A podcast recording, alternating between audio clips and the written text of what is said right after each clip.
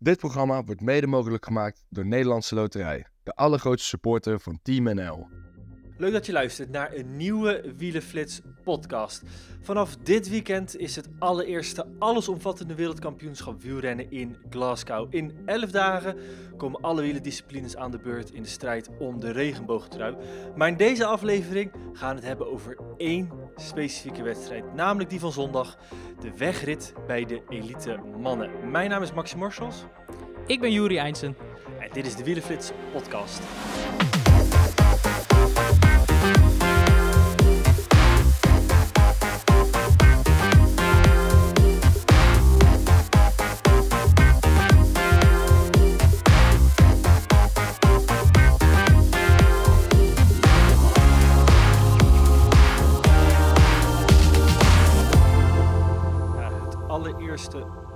Super wereldkampioenschap. Alle disciplines dus in één week wordt dat eh, allemaal verreden. De volgende is ook al gepland, dat is in 2027. Maar eerst is de grote test in Glasgow.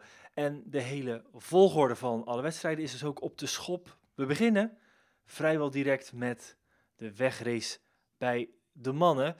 En ja, Jori, normaal gesproken is dat de opbouw eigenlijk een heel WK naar Het de wegrace. En dan zie je al bij alle voorgaande wedstrijden een beetje wat je kunt verwachten. Hè. Bij de, je leert al dingen bij, van de wedstrijd bij de junioren dames. Je leert vaak veel bij eh, de belofte mannen, wat toch altijd enigszins wat lessen uit kunt halen richting die mannenrace. De vrouwen is vaak totaal anders. Maar dit jaar beginnen we met de mannen. En hebben ze eigenlijk helemaal geen referentiekader. Nee, dus eh, ja, dat wordt, eh, wordt zeer interessant om te zien. Het is ook niet zo dat je bijvoorbeeld weet waar het nu gaat gebeuren. Eh, want dat zie je inderdaad vaak bij die andere wedstrijden wel. Dat er altijd een bepaald punt in een rondje zit. Hè. Een WK is natuurlijk altijd op een afgesloten circuit, of in ieder geval de finale. En dan weet je altijd precies wel waar de, waar de moeilijke punten zitten. En ja, nu weten we dat op dit moment nog niet. Zeker de kijkers thuis niet. Dus dat wordt, dat wordt superleuk om, om naar te kijken. En ja, ik vermoed zelf dat het ook wel eh, misschien een iets eh, opener koers geeft. Want normaal gesproken kan het gesloten zijn als je weet waar het ongeveer moet gaan gebeuren.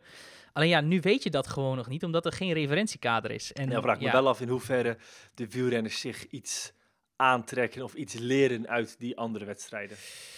Nou, is ook lastig te zeggen. Maar als je bijvoorbeeld, hè, ik noem maar wat, ehm, hè, je kunt zo'n rondje verkennen. eh, maar in koers gaat het altijd harder.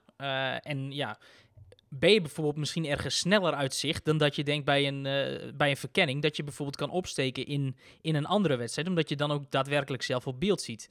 En ja, dat is er nu niet. Dus dat maakt het wel eh, ja, een stuk interessanter in mijn ogen. We gaan het uitgebreid eh, zo meteen vooruitblikken langs alle selecties. En als je nu kijkt wie op dit moment worden omschreven als de grote favorieten, dan kom je bij Wout van Aert, dan kom je bij Mathieu van der Poel en ook eh, Pedersen als de grote favoriet. Of we het daarmee eens zijn, gaan we het zo meteen over hebben. We, we- je begon al over het parcours, laten we dat er allereerst bij pakken. Ehm, de wegrit bij de mannen. 271,1 kilometer lang. Veel hoogtemeters. Het finale rondje heel erg bochtig. Maar voordat we bij het finale rondje komen, moet daar eerst nog een heel stuk naartoe gereden worden. Want de start is een heel stuk noordelijker, of eigenlijk oostelijker, in, zoals jij het zegt, Edinburgh. Ja, volgens mij is dat hoe je, hoe je het moet uitspreken. Eh, dat wat altijd een beetje gek is, omdat er eigenlijk E- eh, Edinburgh staat, met een H erachter. Ehm, maar goed, dat is bijvoorbeeld ook, er staat ook Leicester en je zegt altijd Leicester, eh, over de voetbalclub Leicester City. Ehm, dus ja, ehm, ik zeg altijd maar Edinburgh, omdat ik denk dat het zo hoort. Eh, daar is inderdaad de start, de hoofdstad natuurlijk van Schotland. En dan heb je eigenlijk een hele lange aanloopfase met toch ook wel twee lastige beklimmingen daarin, eh, waarvan de Crow Road de lastigste is. Ehm, eh, aanloop van 124 kilometer, dus dat is toch wel gauw een kleine drie uur. Ehm, ja, normaal gesproken gaat dat geen verschil maken. Ehm, al moet ik wel zeggen dat in ieder geval in april 2023, dus dan spreken we over eh, vier maandjes terug, de afdaling qua asfalt van die Crow Road er echt slecht bij lag. Ehm, en ja, goed, als dat niet veranderd is, daar heb ik nu op dit moment geen zicht op. Maar als dat niet veranderd is, dan ja, is het daar toch echt wel eh, oppassen geblazen. Zeker met de regen die eh, er de komende dagen nog valt. Ik kan me haast niet voorstellen dat ze daar niet een eh, nieuw laagje over hebben gelegd. Nee, ik ook niet. Heb je die beelden gezien van die, eh, van die weg? is voor mij eh, onbekend. Nou, ja, er zitten gewoon echt gaten en putten en ehm, ja, beschadigingen in die weg. Ook met nieuwe lagen asfalt die er overheen gelegd zijn. Het moet nooit lekker gaan bollen. En wat ik zeg, zeker als het nat is, kan dat nog wel eens iets gevaarlijks opleveren. Aan de andere kant is het nog wel ruim voor het finale rondje. Dus ja, alle tijd om, om nog terug te keren. Ehm, en ja, dat rondje zelf heeft eigenlijk wel weg, eh, iets weg van een stadscriterium. Ja, want eh na dus die lange aanloop komen ze aan in Glasgow voor een ronde van 14,3 kilometer, wat 10 keer moet worden afgelegd. Ja, Juri, ik zat het eh, profieltje of het, het kaartje te bekijken en toen moest ik gelijk aan jouw vuistregel denken over een technisch parcours. En die Ja. vuistregel is als het aantal bochten hoger is dan het aantal kilometer, hè? Ja, dan spreek ik snel over een technisch parcours. Dus als hier bij wijze van eh, hè, 14,3 kilometer is het lang. Als daar 20 bochten in zouden zetten, dan zou ik zeggen, nou oké, dat is dus best een technisch parcours. Want betekent om de kilometer een bocht. Ehm, maar dan zou dit een super, super technisch parcours eh, zijn. Want ik tel er plus minus 45 in zeg maar 15 kilometer. Wat dus betekent 1,90 graden bocht per 333 meter. Ja. Afgerond. Nick, ja, Nick die heeft de voorbeschouwing geschreven en die kwam zelfs uit op 48 haakse bochten. En er zijn nog een aantal flauwe bochten er niet bij meegeteld. Ehm, ja, het is bijna een doolhof. Ja, eh, plus het feit dat het eigenlijk geen meter vlak is. Dus het gaat op en af, draaien en keren. Eh, en ook qua hoogtemeters doet deze wedstrijd maar eigenlijk best wel heel veel denken aan de Amstel Gold Race. Ja, 3570 hoogtemeters. Dat is een hoop. Er zijn natuurlijk wel een, ook een hoop kilometers eh, te maken. Ehm, wat mij wel opvalt is, en dat trek ik een beetje een parallel met hoe dat ging met de klimtijdrit in de Tour. Of ik zeg het over klimtijdrit, over de tijdrit in de Tour. Met naarmate die dichterbij kwam, in één keer iedereen een beetje leek wakker te schrikken van... oh, het is echt lastig. En eh, Ja. het is veel lastiger dan we al, al die maanden dat we het parcours al kennen... eigenlijk hebben ingeschat. En datzelfde scenario is nu ook een beetje met eh, dit lokale circuit in Glasgow. We weten al heel lang hoe het rondje loopt. Natuurlijk nemen maar weinigen de moeite, eh, of zijn in de gelegenheid om het te verkennen. En nu eh, het WK wel heel dichtbij is, lijkt iedereen toch een beetje wakker te schrikken van oef, het is toch wel een stukje pittiger dan het op papier lijkt. Ja, en dat, dat komt vooral omdat er natuurlijk qua hoogte eigenlijk gewoon helemaal niet ehm, ja, heel veel in zit. Ehm, de, hoogteverschillen aan zich zijn niet zo heel groot. Maar het zijn vooral de, ja, de steile wegen eigenlijk die ze op, eh, opzoeken. En ja, de verschillende cijfers verschillen heel erg. Eh, aanvankelijk leek het goed te doen. eh, als in dat het niet super zwaar. Hè, als je ook bij bijvoorbeeld La Flamme Rouge, die altijd hun profielen laten maken, maar ook de UCI zelf, ja, dan ziet het er niet heel ingewikkeld uit. Alleen ja, goed, als je toch dieper inzoomt op die wegen, dan is het toch wel best heel lastig. En is het bijvoorbeeld best wel een heel stuk zwaarder als dat toch al lastige EK, wat we eigenlijk eh, op nagenoeg dezelfde wegen hebben gehad. In 2018 in Glasgow, toen Matteo Trentin won voor de toen nog, volgens mij, neoprofs, Mathieu van der Poel en Wout van Aert. Ja, een aantal van die, eh, of een heel, heel deel van de wegen komen daarin eh, terug. Zeven oplopende stroken tellen we in, het, eh, in de lokale om, omloop. De St. Vincent Street Doug- eh, slash Douglas Street, 550 meter aan 5% eh, gemiddeld. Dat is tevens de langste. En daarna heb je nog de Gilmore Hill, 230 meter aan 4,3%. De University Avenue, 250 meter aan 5,9. Nou ja, je ziet al, het zijn niet heel erg lang. Het is echt kort en vinnig. De Great George Street, 325 meter aan 7,6. Dan heb je nog de Kelvin Grove Park, 400 meter aan 6,2. Het zegt je nu nog helemaal niks. Nee, mooi klimmetje is dat trouwens. Zondag gaat dat natuurlijk wel, eh, wel anders zijn. En de naam die het meest zal horen terugkeren is de Montrose eh, Street. Daar ga, zeg ik dat goed trouwens?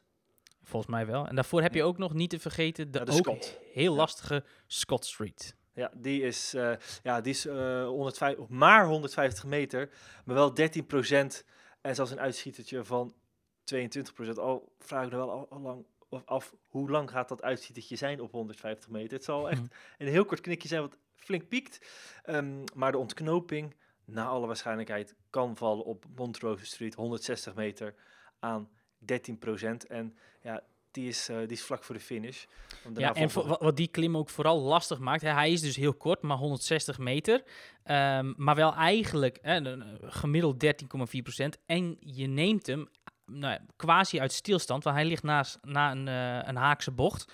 En die weg daar naartoe is ook niet heel breed. Ehm, dus ja, positionering gaat er echt super belangrijk zijn. En ja, wat je zegt, top, of topje, ligt op 1,4 kilometer van de streep. Dus ja, daar kan, kan je net het verschil maken. En die klim Ik moet gelijk eigenlijk denken aan, eh, aan, de molen, aan de molenberg. Waar je ook altijd vanuit stilstand links of rechtsom eh op gaat draaien. Ja, het is ook niet gek als we gaan kijken naar de favorieten. Hè, dat eh, juist die klassieke specialisten die het draaien keren als geen ander kunnen. Ja, dat dat de mannen zijn voor, voor dit terrein. Ja, ehm, en vooral ook hè, die laatste klim doet me toch best wel heel veel denken aan dat eh, laatste klimmetje wat er in het rondje in Richmond zat in 2015. Ehm, die was wel volgens mij iets langer en gemiddeld ook iets steiler eh, over die kasseitjes. Eh, en daarna kreeg je eigenlijk ook nog een stuk van volgens mij 900 meter tot aan de streep. Die waren wel vlak. En dat is hier eigenlijk, is dat niet het geval, want er volgt nog een korte afdaling. Ehm, maar dat klimmetje, daar doet het me wel heel erg aan denken. En ja, daar werd toch wel in iedere wedstrijd, ondanks dat hij heel kort was, wel het verschil gemaakt.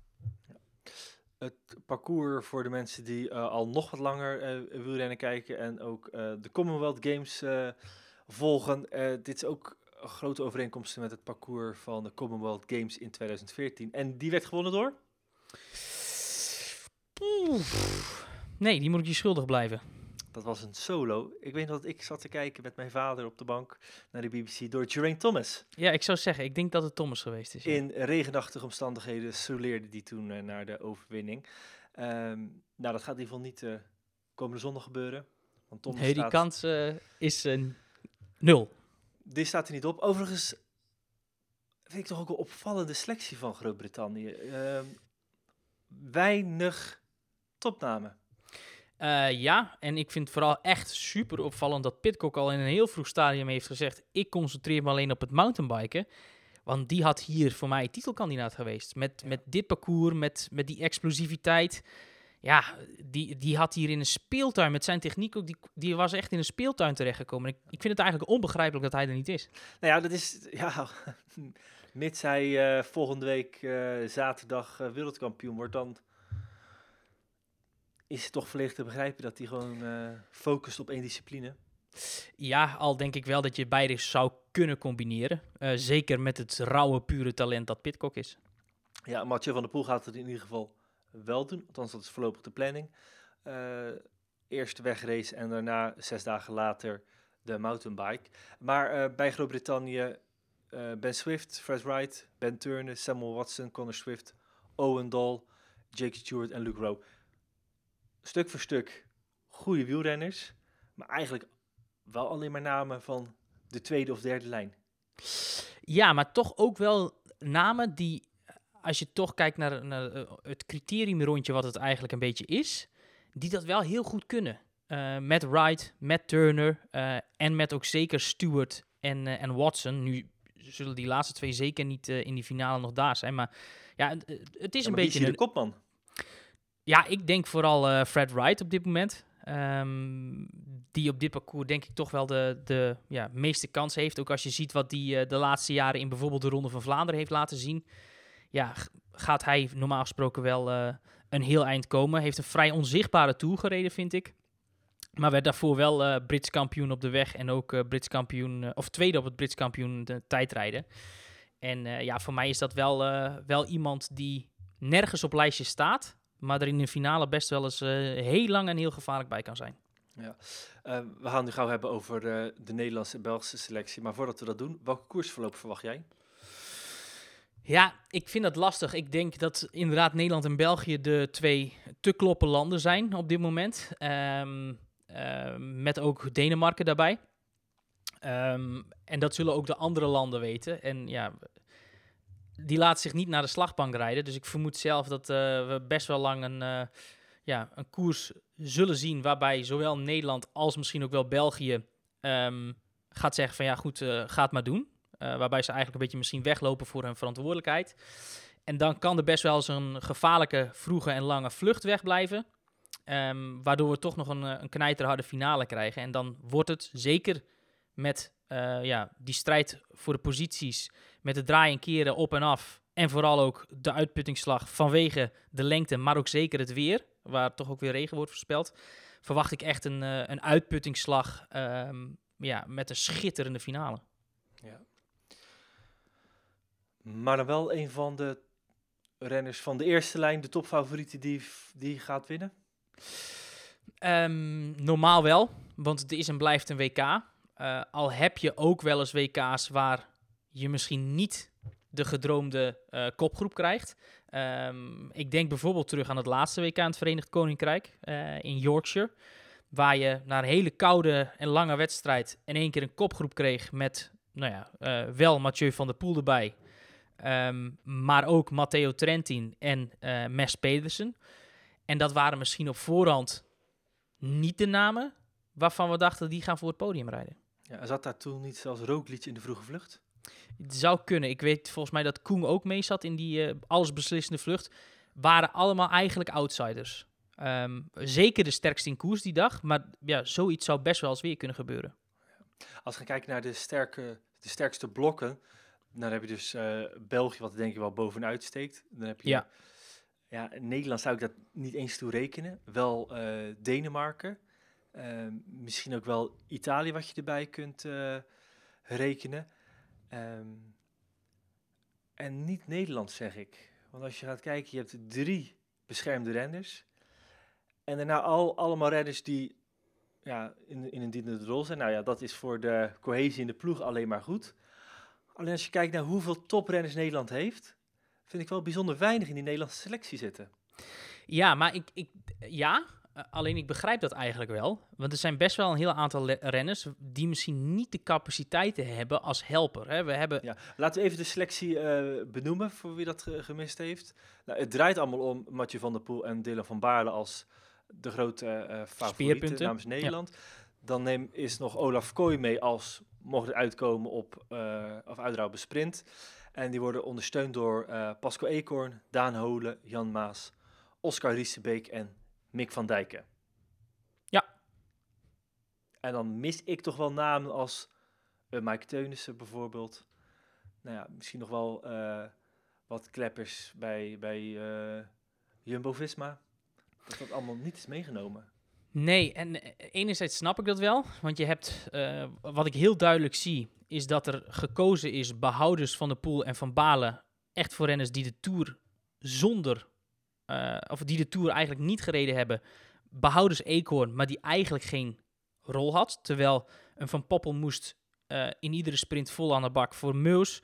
Um, Teunissen moest in iedere rit aan de bak voor, voor Girmay.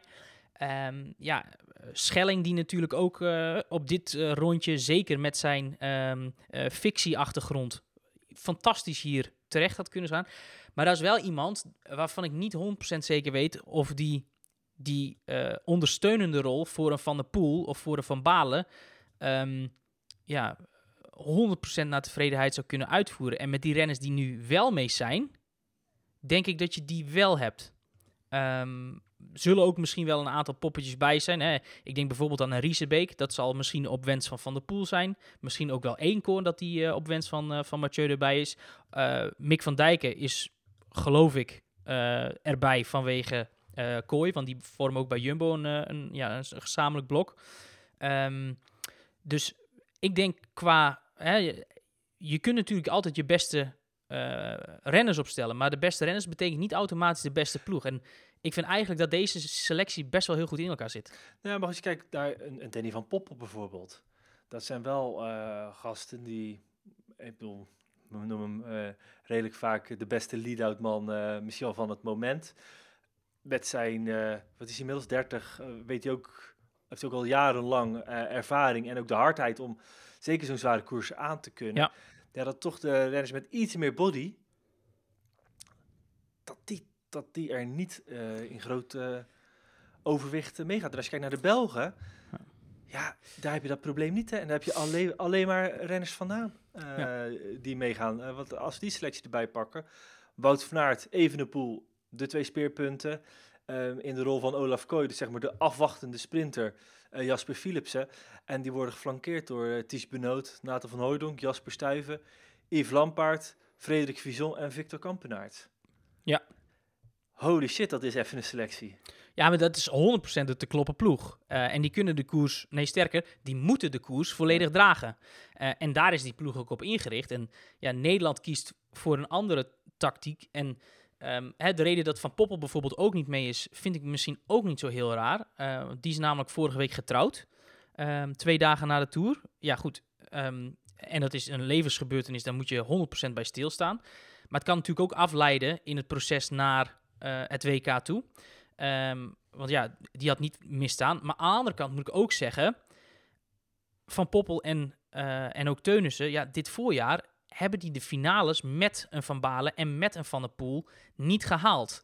Dus ik denk dat je beter mannen kunt meenemen, zoals nu gebeurd is...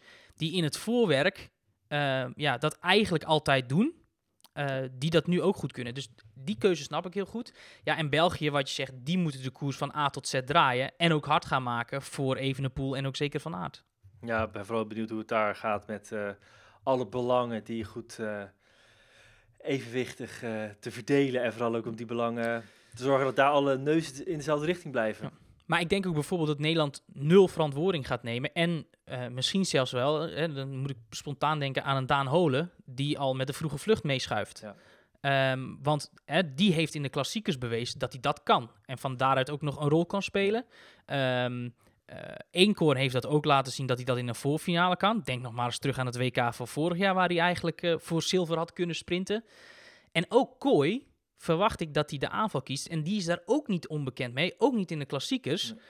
En ja, ik verwacht eigenlijk dat Nederland een heel aanvallende koers gaat rijden, waarbij ze dus geen initiatief nemen, maar juist eigenlijk altijd een pion in de kop van de koers willen hebben. En dat België moet achtervolgen. Ja, maar dan gaan die Belgen. Ik bedoel, ik volg het hele verhaal. ehm, maar waarom zou België zich in die defensieve rol gaan laten drukken? Daar kan ook een heel sterke renner. Ik bedoel, ze hebben daar alleen maar sterke renners. Ja, je kunt Ja. zeggen dat Frison van hun nog de minste afmaker is. Maar verder kan iedereen daar redelijk eh mee springen en in een heel zware wedstrijd winnen. Ook een Kampenaerts eh, en ook een eh, Van Hooijdonk. Ja, dat daar gewoon al een, een Benoot of een Lampaard of een Stuiven meegaat in zo'n vroege vlucht. Dat vermoed ik eigenlijk niet. Want ook alle landen zullen zeggen: "Hey, jullie zijn de sterkste ploeg. Jullie hebben de drie beste renners in koers. Jullie zijn uittredend kampioen. Gaat niet gebeuren. Jullie moeten het gaan doen.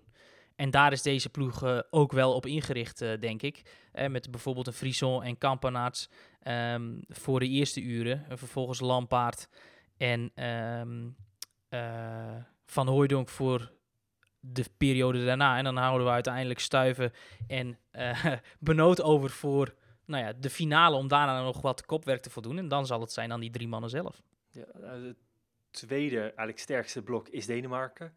Met eh, Magnus Kort, Søren Kragh Andersen, Kasper Esgreen, Matthias Skjelmose, nou, Mats Pedersen.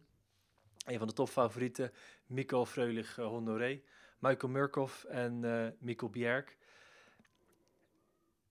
Eigenlijk een selectie die, die eh, gewoon, eh, eh, nou ja, goed, ze mist dan nog één wereldtopper, maar verder kun je die bijna overleggen met, met België. Ja, Ja, dat daar ook gewoon een, een wat zal het zijn, een Kasper Esgreen ook al meegaat met die vroege vlucht. Ik vermoed echt dat dat gaat gebeuren met ook gewoon een sterke renner van, van België en, en, en een Hole of een, ik ben even zijn naam kwijt, Pascal Eekhoorn. Dat, dat, dat soort type renners gewoon echt een sterke kopgroep al weg gaat rijden. ja, nou die kans bestaat. Ik verwacht zelf eigenlijk dat eh, Denemarken ehm, ehm, toch iets meer richting de voorfinale pas hun plan gaat trekken. Want als ik heel eerlijk ben, hebben op papier een heel sterke ploeg. Maar van Honoré hebben we dit seizoen nog niet superveel gezien. Daar had ik meer van verwacht. Skjelmose begon goed aan de Tour, maar zakte daarna toch ook een beetje in. Eskeren is wel heel gevaarlijk op dit parcours. Maar dat is ook iemand die het in de voorfinale moet gaan doen. Die moet echt niet wachten tot Van de Poel, Evenepoel of, eh, of Van Aert gaan. Je moet eigenlijk mee als een Van Baarle gaat. eh, of dat moet hij nog net ja, voor zijn. en dat, of- dat of geldt ook voor Søren Krauw Andersen. Maar die vond ik ook niet super sterk in de Tour. En eigenlijk Magnus Kort ook niet. Ehm, en die moeten ook niet wachten. En ja, Pedersen zal dat wel moeten. Maar ik vraag me af of die wel mee kan.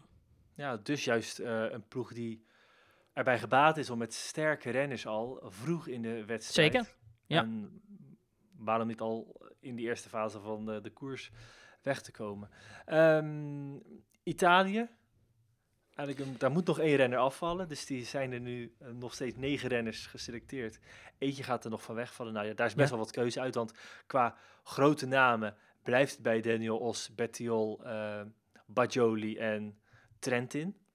Nou, dan hebben we dus nog eh, vier namen. En dan kom je in de categorieën Velasco, eh, Sparagli en eh, Rota en Pascalon. En ook eh, vergeet ik nog eh Baroncini. Baroncini, ja. Wie denk je dat er gaat afvallen? Ik denk dat het uiteindelijk Pascalon is. Of Sparagli. Vermoed ik althans. Ja, ja het is eh, een beetje een, eh, in de Ja. glazen bol kijken. Want Ja, we hebben maar geen... Overigens dit kwam- is wel eh, een heel sterke ploeg. Ja. eh, niet te onderschatten. En wat vooral bij de Italianen altijd zo is, die rijden altijd in blok. Die rijden altijd voor eh, ja, één voor alle, alle voor één. Eh, daar kunnen best wel heel veel mensen winnen. En ja, ik moet heel eerlijk zeggen, in de Tour heb ik wel een verschrikkelijk sterke Alberto Bettiol gezien. Zonder dat hij uitslagen reed, maar hoe hij af en toe kopbeurten deed. Dat deed overigens ook Pedersen in een aantal ritten. Die gaat er echt staan. Het enige punt voor Bettiol is, die is zo verschrikkelijk grillig en wisselvallig, dat het kan ook in één keer helemaal niks zijn. Eigenlijk mis ik bij Italië één renner. En die zou ik gelijk bij de favoriet hebben gezet. Ehm Ghana. Ja. Ja. Wat, wat, is- wat ik, eh, het valt me nu een eentje op. Wat, waarom rijdt hij het WK niet? Niet te combineren, zegt hij zelf, met, eh, met het tijdrijden en daarna het baanwielrennen. Ehm, Is het voor te En- zeggen? Ja, en ik moet heel eerlijk zeggen, op dit parcours met zijn grote gestalte en lijf, weet ik niet of hij technisch wel net zo goed Ah. onderlegd is. Ja, nee, dat, ik durf dat te betwijfelen of die technisch wel net zo goed is als de topfavorieten hier. Kijk, natuurlijk tegen het bochtenwerk van eh, de crossers eh, gaat het überhaupt... eh, die zijn hier überhaupt in het voordeel. Maar als we zien dat hij eh massasprints kan winnen... Oké, het was niet tegen de top, maar in de... En op de macht, dat kan hij natuurlijk Ja. wel echt heel goed. Precies. Dat is wel... Dan, dan, en als hij weg is... En dat zal waarschijnlijk toch de manier zijn om hier te winnen. Zoals het eigenlijk de laatste jaren steeds gaat. Ja. Eh, vroeg, maar aan, de- aan de andere kant hebben we ooit iets van Ghana in eendagskoersen gezien. Eens moet de eerste keer zijn, Jury. Eens Ja. moet de eerste keer zijn. Nou ja, goed. Nou hij, is natuurlijk wel, hij was tweede in Sanremo natuurlijk dit jaar. Ja, en het eh werelduurrecord was ook een eendaagse. Ja, nee, ja, eens. Maar eh, ja, en die echt, echt lastige wedstrijden Nee, dat- hebben we hem nog niet echt gezien. En ja, nogmaals, het is echt een powerhouse. Echt verschrikkelijke krachtpassen. Ik denk als je iemand, of alle renners 50 kilometer laat fietsen, is niemand sneller dan Ghana. Ehm, maar op dit technische parcours weet ik ook niet of hij wel heel goed geland was. Ja. En verwacht ik dus vooral heel veel van Bettiol. ja. De grootste vrees, en dan spreek ik eigenlijk voor mezelf, is met zo'n WK dat je dat toch altijd een renner wint waarvan je denkt, een beetje à la Rui Costa tien jaar geleden. En misschien was Kwiatkowski dat destijds ook wel een beetje. Pedersen was dat ook zeker in Pedersen ook 2019. eigenlijk, ja. En als ik kijk ook naar, naar dit parcours en het, en het type rennen allemaal wat deelneemt, eh krijg ik steeds sterker het gevoel, er gaat gewoon een renner van tweede, derde lijn hier in ieder geval kunnen winnen. Het is natuurlijk wel Ja. 271 kilometer, het wordt slecht weer. Dat is, hè, we zagen het met Van der Poel, die in Harrogate er in één keer doorheen zakte, vermogelijk door een, eh, door een hongerklop.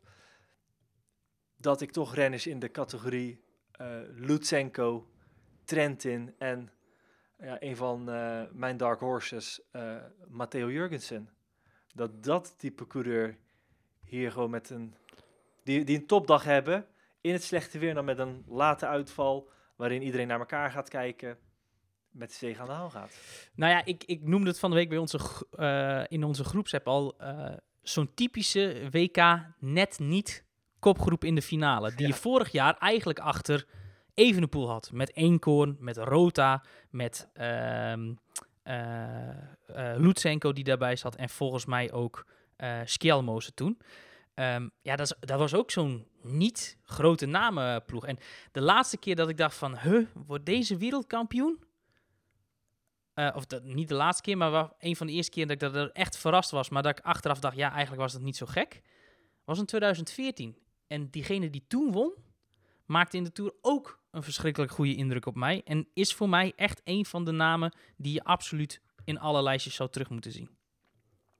In Want? Ponferrada werd hij wereldkampioen. En dat is? Ja, dat is Kwiatkowski. Ja, precies. Ja, die vind ik zo sterk in de rond te rijden. En ehm, ja, maakte gewoon echt zo'n goede indruk in de Tour. Ook nu in de Ronde van Polen echt heel sterk. Is maar in zijn eentje. Polen heeft, eh, ja, staat zeer laag in de Nations eh, ranking op de UCI-lijst. die ja, eh, recht geeft op eh, het aantal plaatsen op ehm, eh, het WK. Hè. Ik noem wat landen als bijvoorbeeld Nieuw-Zeeland, eh, Eritrea, Canada, eh, Ierland. Dat, ja, die staan veel hoger, mogen meerdere renners eh, afvaardigen. En ehm, ja, daar is, eh, is Polen niet bij. Die mogen maar één renner afvaardigen. Maar Kwiatkowski is wel iemand die dat heel goed kan en die ook uit het niks kan toeslaan. Ik denk maar bijvoorbeeld weer aan een Amstel Gold Race van vorig jaar. En ook als je ziet wat hij al gewonnen heeft in zijn carrière. Hè, Milan Sanremo ook al eh, een keertje, een paar keer podium in Luik. Deze renner is niet te onderschatten. Zeker als je ziet wat voor Tour hij gereden heeft. Met ook die ritzegen op eh, La Colombière. Ja, maar gaat hem dat überhaupt wel lukken als je zo weinig ploeggenoten hebt? Ja, hij moet gewoon gokken op de, op de goede, goede move. En die zal hij waarschijnlijk in de voorfinale maken. Maar dat zou net zo'n renner eh, die mee kan zitten met, met een Madouas of ehm, nou ja, noem, eens, eh, noem eens een Italiaan die er misschien net niet helemaal bij hoort. Ehm, nou ja, zo'n Bijvoorbeeld. Bijvoorbeeld, ja, zo'n groep waarvan je zegt, hè? Eh, en dat die het uiteindelijk dan, eh, dan toch halen. Misschien nog met een verdwaalde Colombiaan of, of een, of een Schmid in één keer erbij, waarvan je zegt, hm, ehm, dat, eh, dat zou heel goed kunnen. En ja, daar heeft Kwiatkowski natuurlijk wel een neusje voor. En als je met dat soort, nou ja, niet verwachte namen mee zit, die gaan toch altijd rijden voor die medailles. Vier ster heeft hij in onze voorbeschouwing. Wout van Aert als de topfavoriet. Kan jij daarin vinden? 100%. Ehm, en dat komt puur door het feit dat dit parcours hem eigenlijk als een jas eh, past. Ehm, hij in goede vorm is. En ja, België gewoon het te kloppen land is. eh, die eigenlijk met, met drie kopmannen, met Philipsen, met Evenepoel en hemzelf... eigenlijk alle topfavorieten kunnen flankeren. Want dat zijn er niet zo heel veel. En ja, uiteindelijk verwacht ik dat een van die Belgen eh, op een stil moment kan wegrijden. En ik vermoed dat dat eh, inderdaad Van Aert is die die druk volledig op zijn schouders heeft. Ja, want hij moet natuurlijk wel misschien wel de grootste concurrent zitten in zijn eigen ploeg. En ja, als er een stil moment gaat vallen, de man die op die manier moet gaan winnen, is eh, de huidige wereldkampioen, is Evenepoel. Vermoed ik wel eens dat Van Aert er zelf bijzonder vroeg aan gaat wachten. Niet gaat afwachten. Als er echt afgewacht gaat worden, heeft hij er nog eentje in zijn wiel zitten die misschien wel wat rapper is nog dan hem, met Jasper Philipsen. Ja. Uiteindelijk, uiteindelijk ligt de sleutel van het meest aantrekkelijke koersverloop ook in handen van de Belgen, als je het mij vraagt. Ja. Want Van Aert gaat er gewoon vroeg aan moeten beginnen.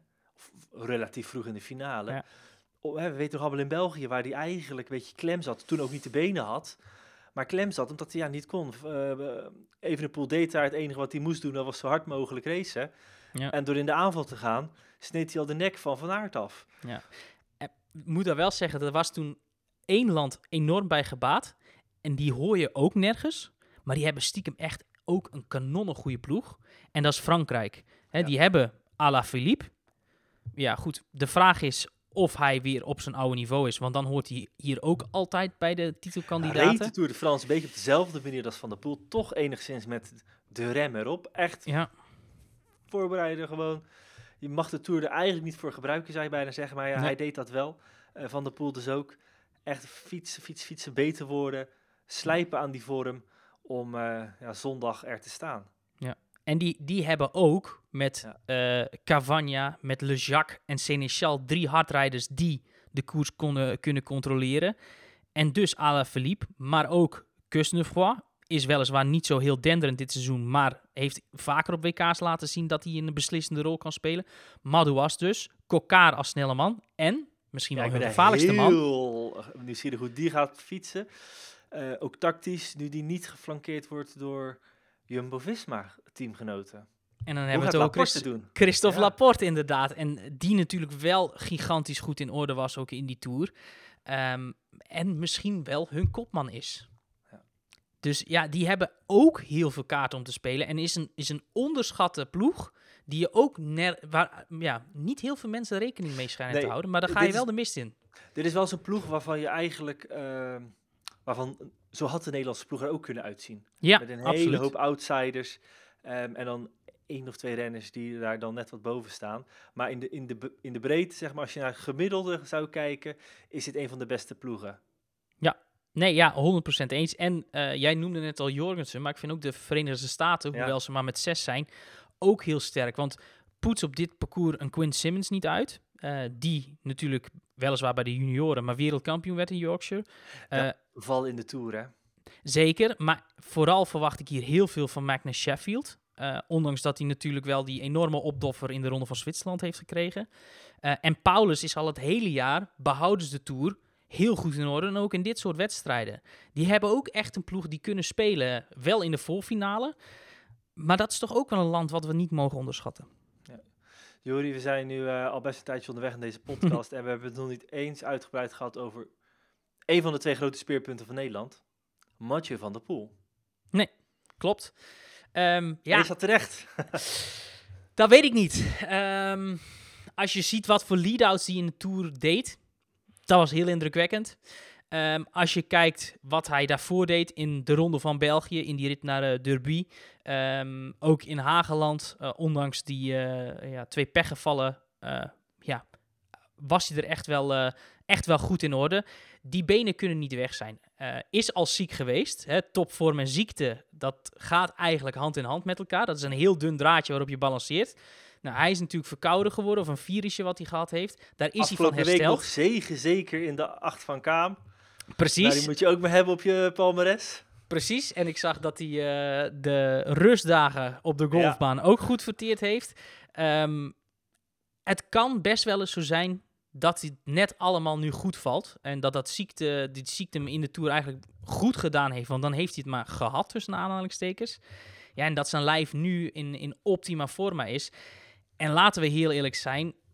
Vier sterren voor Mathieu van der Poel was ook gerechtvaardigd geweest. Want die is misschien nog wel veel meer gebaat bij dit rondje. Is natuurlijk super technisch, kan uitstekend positioneren. Moet alleen zorgen dat hij genoeg blijft drinken en eten. Ehm, en dan is er heel veel mogelijk. Want er is niemand die zo'n vijf seconden inspanning kan leveren in dit peloton als Mathieu van der Poel dat kan. En ja, dat zijn wel de inspanningen die je zeker op die twee laatste korte klimmetjes van 150 meter moet doen. En ja, als je 10, 15 meter hebt na Monroe Street en het is nog 1,4 kilometer met een technische afdaling, Milan Sanremo vibes.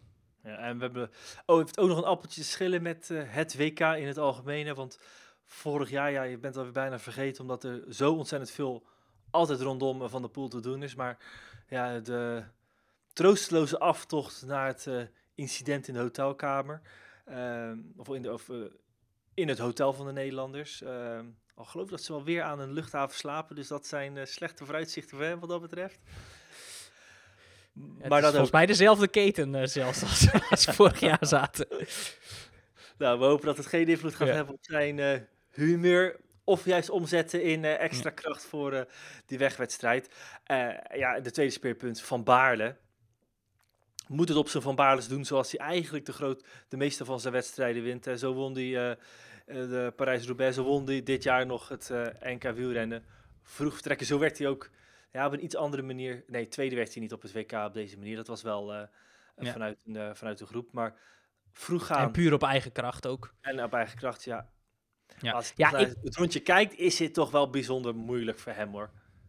Ja, ik denk dat Van Balen dus gezien zijn historie eh, op, in dit soort wedstrijden, is de ideale renner die ervoor kan zorgen. Laat ik zo zeggen, Van Balen kan Mathieu van der Poel wereldkampioen maken. Door wel die aanval te kiezen. Wat altijd op een reactie gaat rekenen van België, van Denemarken en van Frankrijk en Italië. Die zullen dat alsmaar blijven dichtrijden. En Van der Poel hoeft niks te doen daarachter. Die, van der Poel wordt gewoon... Ik verwacht dat Van der Poel, als hij niet zelf gaat koersen, gewoon blijft zitten en gaat wachten tot zijn moment. En Van Balen kan ervoor zorgen dat, moment andere landen... komt, en dat, maar dat geldt ook voor de andere ploegen. Het geldt ook voor alle individuele andere renners. Want ja, het is al een Nederlandse selectie. Maar het zijn uiteindelijk alsnog de grote concurrenten van elkaar. Nee, precies. Alleen ik, ja, ik verwacht dus dat het parcours heel zwaar gaat zijn. Dat we echt een, een uitputtingsslag krijgen. En daarin is Van Balen van goudwaarde. Eh, is het dan al niet om weg te rijden en zelf wereldkampioen te worden? Wat echt wel heel goed kan. Dan is het wel om reactie uit te lokken bij andere landen. Waarna Van der Poel niks hoeft te doen. Ehm, natuurlijk, België heeft dat ook. En die zouden ook best wel eens al ehm, ja, dat heft in eigen handen kunnen nemen. Door met een Evenepoel al heel vroeg te gaan. Maar ik moet toch zeggen dat ik het idee krijg dat Evenepoel toch met zijn hoofd lichtjes al bij de Vuelta zit. En niet zozeer bij de 2K. Nou ja, als je kijkt hoe die eh Classica San Sebastian eh, eigenlijk met speelsgemak wint. Ik weet niet of het van eh, beter kunnen was op eh, de berg. Of dat hij dacht van, nou ja, ik neem eh Pello Bilbao mee naar de finish. Want daar kan ik hem ook wel hebben. Maar die leek daar alles onder controle te hebben. En door gewoon hard omhoog te fietsen, vanuit het zadel, loste die de een na de andere renner. Hij speelde daar letterlijk met de pedalen en met de concurrentie. Klopt. Maar dat deed hij vorig jaar ook en toen kon er niemand mee. En ik moet heel eerlijk zeggen, ik heb hem vorige week zelf eh, geïnterviewd in een, in een setting met meerdere journalisten. Toen was hij toch ook wel heel erg bezig met die Vuelta. Ondanks dat hij zei van ja, begrijp me niet verkeerd, eh, het WK is echt een hoofddoel en ik kan daar ook zeker winnen. Ehm, zag ik toch dat hij van de week nog een Vuelta-etappe is gaan verkennen. Maar eh, ehm, sluit het een het ander uit? Nee, zeker niet. Van Evenepoel heeft eh, in eendagskoersen zeker zijn streep verdiend. Sterker nog, volgens mij heeft hij er niet één verloren dit seizoen. Eh, zijn cijfers die denk ik niemand anders eh, neer kan leggen. Ehm, dus hij kan absoluut zijn- zijn zijn ding doen. Het punt is alleen, hij moet wegrijden. Nu is hij daar sterk genoeg voor, maar is die eh, parcours daar was, eh, waar, wel lastig genoeg voor. Ja, het voordeel van het parcours van het bochten is wel dat je heel snel uit zicht bent. En als iemand Eens? weer kan laten, heeft laten zien dit jaar dat hij in regenachtige omstandigheden prima uit de voeten kan op een lastig eh, parcours, dan heb ik het over Luik. Is natuurlijk qua eh, heuveltjes niet te vergelijken met dit, want dit, dit zijn 250 meter klimmetjes. In Wallonië eh, zijn het eh, anderhalve kilometer eh, of langere klimmen. Maar als iemand er niet voor schrikt lang solo weg te rijden, vorig jaar was het ook meer dan 25 kilometer, dan is dat Evenepoel. Ja, ik denk alleen dat het in dit rondje de drie key elementen voor mij zijn positionering. wat nog wel te doen is in een ploeg als België, want die zullen toch veel op de voorposten rijden. Is eh, de explosiviteit, de 5 tot 10 seconden waardes, die bij Evenepoel zeker ook aanwezig zijn. Maar ik weet niet of hij dezelfde wattages kan wegtrappen als de echte krachtpatters, als Van Aert, Van der Poel en ook een Pedersen.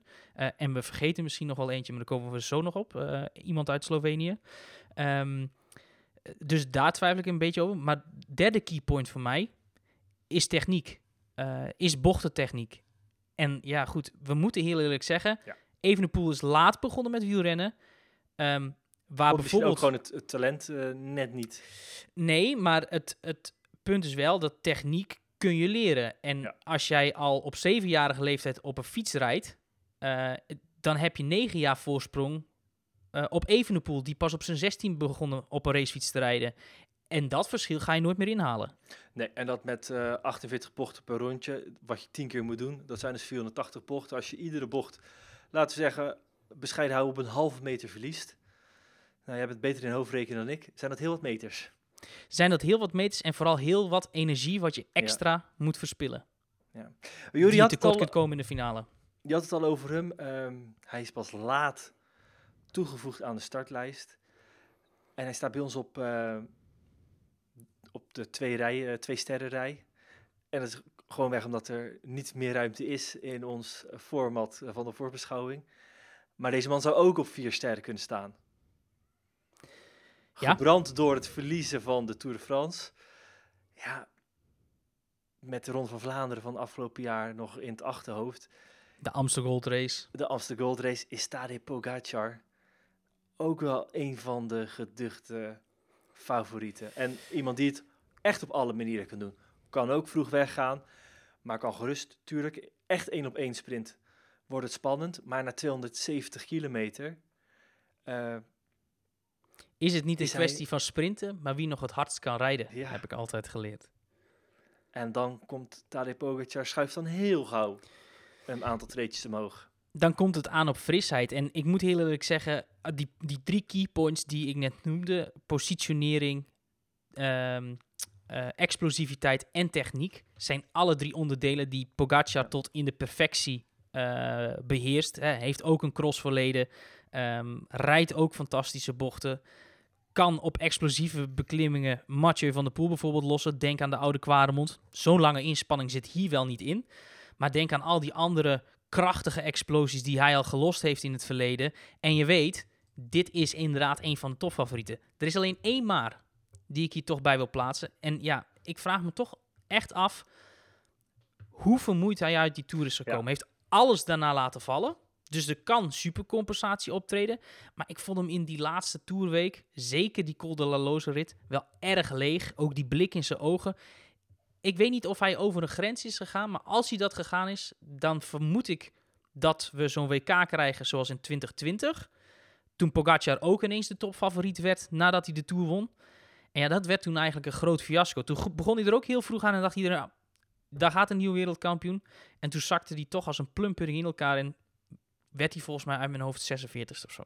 Ja, nee, daar ben ik met je eens. Die frisheid na die Tour de France, daarop verliest hij het van eh Wout van Aert, die überhaupt naar de Col de la Loze is, af, is eh, vertrokken. Al kan je afvragen hoe fris die is met de slapeloze nachten van het hebben van een klein kind. Maar goed, daar zullen ze, ehm, als we horen hoe die zwangerschap, zeg maar de bevalling eigenlijk gereguleerd is, zal er ook wel ehm, rekening zijn gehouden met het... eh, de slaaprust van Wout van de Aert. slaafrust van Wout van Aert, ja. Die, eh, daar maak ik me helemaal geen zorgen om dat hij genoeg uurtjes eh, gemaakt zal, eh, zal hebben. Ehm, maar ja, dat, dat is wel eh, de key factor. Hij kan een hoop compenseren, maar nog steeds, die pols is nog niet uitgevlakt.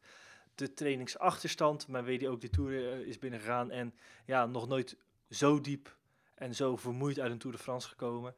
Ehm, ja, wat wel in zijn voordeel spreekt, heeft het makkelijke geld van de criteriums laten liggen in Surhuis te Veen en in, wat was het, Ehm, nog ergens in België. Kaam, volgens mij. Aalst, volgens mij heeft hij ook. Aalst, ja. Ja. En ook het eh, EK klimmen heeft hij niet gedaan. Het EK klimtijdrijden inderdaad. Ja, dus alles eh, voor... Gewonnen door eh Grooschartner maar. Ja, voor dat is ploeggenoot. Ja. En eh rijdt dus de wegwedstrijd en de tijdrit. Ja, wat ik dan wel weer opvallend vind. eh, aan de andere kant, Pogacar gaat de Vuelta niet rijden. En dus is er eigenlijk voor hem tot half oktober niks te halen. Ehm, dus ja, hij gaat weet. ook nog naar de Canada, die wedstrijden. ehm, Oké, nou ja, dan heb je die er nog bij. Maar tussen eh, de tijdrit en Canada zit precies een maand. Dus ja, Ja. je kunt hem altijd eh, meepakken. En eh, ja, goed. ik denk ook niet dat hij super kansloos meteen is in die tijdrit. Maar het allerbelangrijkste nieuws van dit WK is toch wel dat Nederland vanaf volgend jaar weer in het oranje gaat fietsen. Ja, dat is eh, gelukkig zo. Ehm, ik ben geen nationalist, ook geen eh patriarch, of hoe je dat ook maar noemt. Maar ik vind wel, die kleur oranje, daar word je in Nederland mee grootgebracht. Dat is onze kleur. Er is maar één land ter wereld eigenlijk die die kleur heeft. Eh Ivoorkust ook een beetje, maar dat tellen we gemakshalve niet mee. Niemand heeft zo'n mooie felle oranje kleur als wij dat hebben. En dat is afgedaan vorig jaar met een doorwegend wit tenue.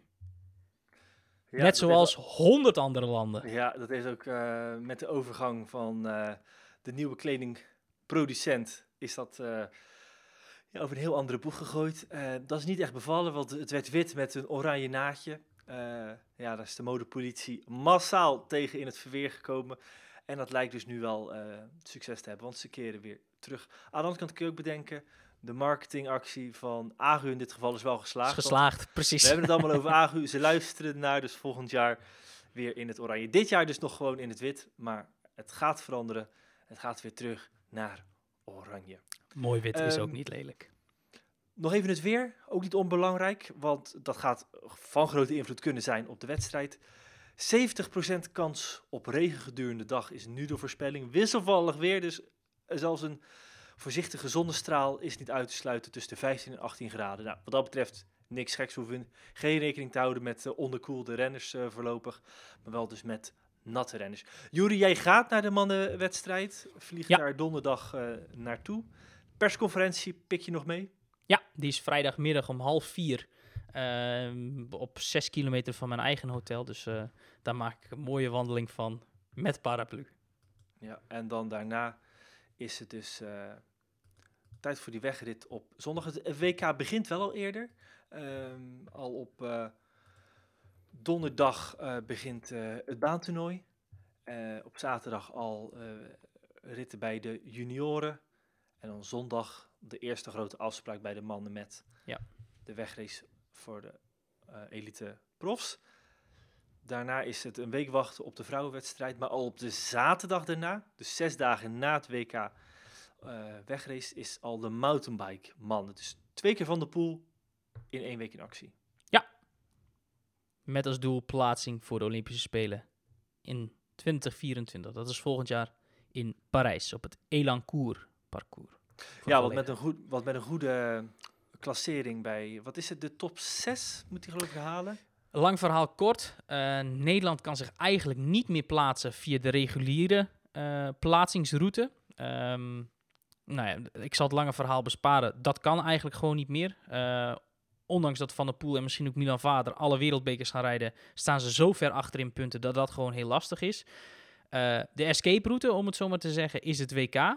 Want de eerste twee landen in de uitslag bij de mannen die geen plaatsing hebben afgedongen via de normale route, plaatsen zich via die omweg alsnog met terugwerkende kracht voor de Spelen. Dus wordt Van der Poel eerste of tweede, dan gaat dat sowieso goed komen. Eh, maar zelfs een plek in de top 15 zal voldoende kunnen zijn. Als bewijs van dat drie Zwitsers, drie Fransen eh, en dan nog de rest van de top 10 eh, die zich al geplaatst hebben, daarop plaatsen. En zelfs zou bewijzen van, moet het wel heel gek lopen, een plek tussen 20 en 30 voldoende kunnen zijn. Tom Pitcock plaatste zich vanwege een 14e plek van een Britse belofte op het WK van 2020 voor de Olympische Spelen in 21 en werd zo via echt een heel minieme kans wereldkampioen. En het voordeel is natuurlijk dat de ehm, top van het klassement, of zeg maar van de verwachte uitslag, dat dat een hoop van dezelfde landen zijn. Ja. En zodoende het verder opschuift tot een land wat zich nog niet gekwalificeerd heeft. Nee, en dat gaat eh, voor de record. Er moeten eh, ja, 19 landen plaatsen zich via de reguliere ranking. En daarna zijn er nog een aantal eh, landen die een selectie kunnen afdingen op basis van hun continentale kampioenschap. Dat betreft niet Europa en Oceanië. Die maken daar geen kans op. Maar wel Noord- Zuid-Amerika en ook Afrika.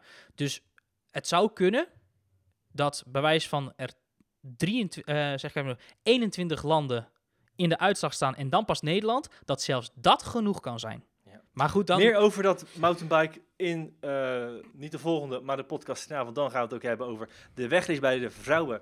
En het eh, WK mountainbike voor Mathieu van der Poel. Maandagochtend zijn wij er ook weer met een eh, podcast met een terugblik op het WK wegrace. Veel plezier dit weekend. Op Wielenflits alle voorbeschouwingen al eh, te lezen. Mis je ook niks van alle wegritten. En wij zijn er dus maandagochtend weer met een nieuwe podcast. Graag tot dan. Dank voor het luisteren. Dag.